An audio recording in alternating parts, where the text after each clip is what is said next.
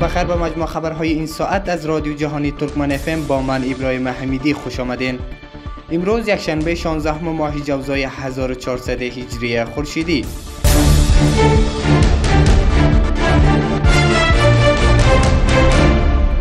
سقوط فرمانده پلیس قیصر به دست طالبان که 15 نیروی امنیتی کشته شدند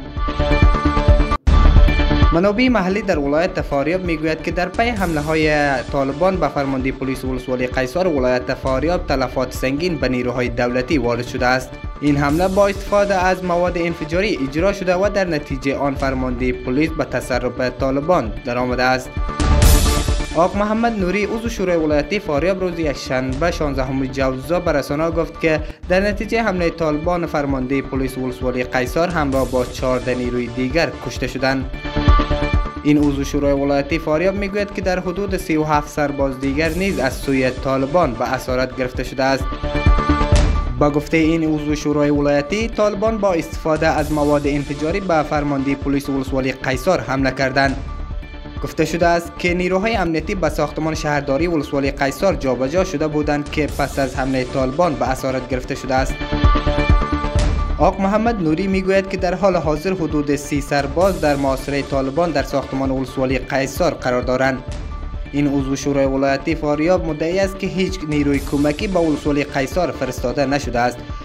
و اگر نیروهای کمکی به قیصر اعزام نشوند احتمال سقوط ساختمان ولسوالی نیز می باشد.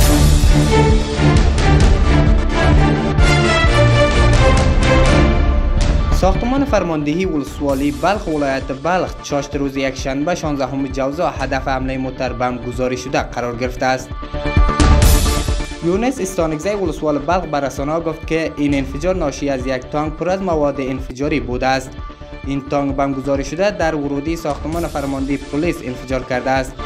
طبق گفته های استانگزای در اثر این انفجار ساختمان فرماندهی پلیس ولسوالی بلخ تخریب شده است ولسوال ولسوالی بلخ گفت که این انفجار تلفات در پی دارد که تا اکنون دو کشته و پانزه زخمی از حمله موتر بمب طالبان بر ولسوالی ولایت بلخ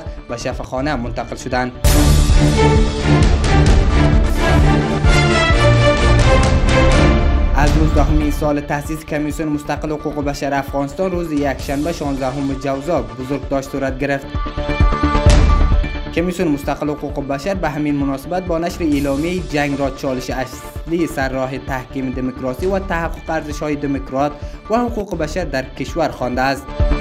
در اعلام این نهاد آمده است که با آغاز روند مذاکرات صلح کمیسیون مستقل حقوق بشر امیدوار بود که فرصت ها برای پایان جنگ و تحقق صلح فراگیر عادلانه و پایدار فراهم شود با باور کمیسیون مستقل حقوق بشر روند مذاکرات تا هنوز نتوانست از قناعت مردم و این کمیسیون را فراهم کند کمیسیون مستقل حقوق بشر گفته است خشونت ها کاهش نیافته اعتماد سازی لازم میان طرف های درگیر فراهم نشده است چشمانداز های دستیابی صلح همچنان ناروشن به نظر می رسد و جایگاه حقوق بشر در مذاکرات متناسب با انتظارات این کمیسیون نبوده است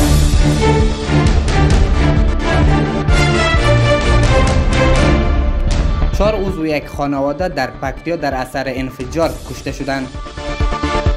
والی پکتیا میگوید که در نتیجه برخورد یک موتر نو سراچه با ماین کنار جاده دو زن یک کودک دوازده ساله و راننده موتر جان باختند. قربانیان اعضای یک خانواده اند. حلیم فدایی والی پکتیا براسان ها گفت که این موتر برای شرکت در یک مراسم عروسی در حرکت بود که با ماین کنار جاده برخورد کرد. این رویداد چاشت روز یک شنبه شانزه همو جوزه در ساحه ابراهیم خیل شهر گردیز مرکز ولایت پکتیا رخ داده است.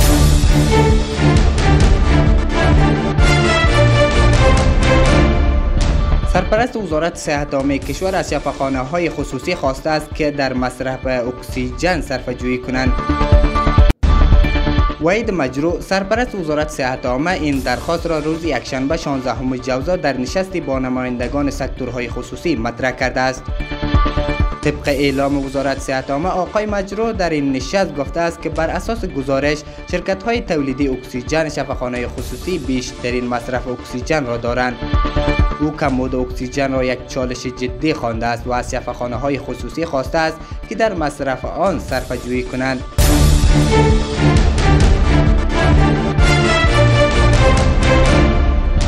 Zulmay Khalizad numayinde Uyjay Amerika dar umur sulh Afganistan roz yakshanba 16-hum jauza ba Mahamad Ashraf Ghani reis jamur kishwar wa Abdullah Abdullah shura ali musalihay milli ba surat judagana didar kard. طبق اعلام ارگ ریاست جمهوری در این دیدار رئیس جمهور غنی و ظلم خلیزات در مورد گسترش همکاری ها و تداوم روابط سیاسی، دیپلماتیک، امنیتی، دفاعی و اقتصادی بحث و گفتگو کردند. سپیدار میگوید که ظلم خلیزات در دیدار با عبدالله عبدالله و اعضای شورای عالی مصالحه ملی گفته است که هیئت همراه خود آمده است. تا در باره فصل جدید همکاری ها و رابط با افغانستان گفتگو کند. طبق اعلام ارگ ریاست جمهوری، هیئت امریکایی در دیدار با رئیس جمهور غنی با یاداوری از تداوم کمک سالانه 3.3 میلیارد دلاری این کشور به نیروهای امنیتی و دفاعی افغانستان پیام حکومت ایالات متحده امریکا را در حمایت از نیروهای امنیتی و دفاعی به ویژه قوای هوایی و بخش های اقتصادی و حقوق بشری بیان کرده است.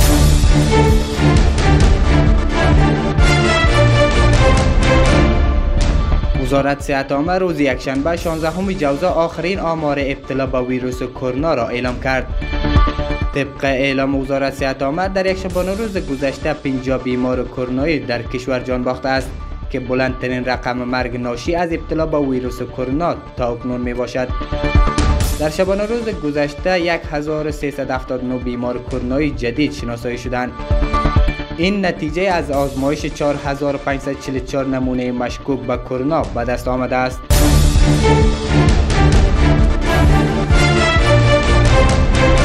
و خبر اخیر این است که 700 هزار واکسین کرونا در آینده نزدیک به افغانستان میرسد. ار گریوس جمهوری در خبرنامه گفته است که رئیس جمهور غنی در جلسه با هیئت رهبری وزارت صحت عامه در رابطه با مدیریت موجسه و کرونا و اقدامات آینده دولت در این خصوص گفت که 700 هزار واکسین کرونا از چین در آینده نزدیک به افغانستان می رسد و اقدامات لازم به خاطر فراهم کردن اکسیژن مورد نیاز از داخل و خارج صورت گرفت صورت گرفته است رئیس جمهور غنی با اشاره به بحران موجودی و کرونا افزود که در کنار وزارت صحت عامه باید همه در مسئولیت پذیری شریک شوند و رهبری دولت برای بیشتر شدن هماهنگی و همکاری هر وقت آماده کمک است بر بنیاد این خبرنامه در این جلسه سرپرست وزارت صحت عامه از تطبیق هدفمند کرونا اطمینان داده گفت که پلان منظم به خاطر تکمیل کردن کمبود اکسیژن در شفاخانه ها ترتیب شده است و شماری از شفاخانه ها با سیستم مرکزی اکسیژن وصل شده و متباقی نیز وصل خواهند شد.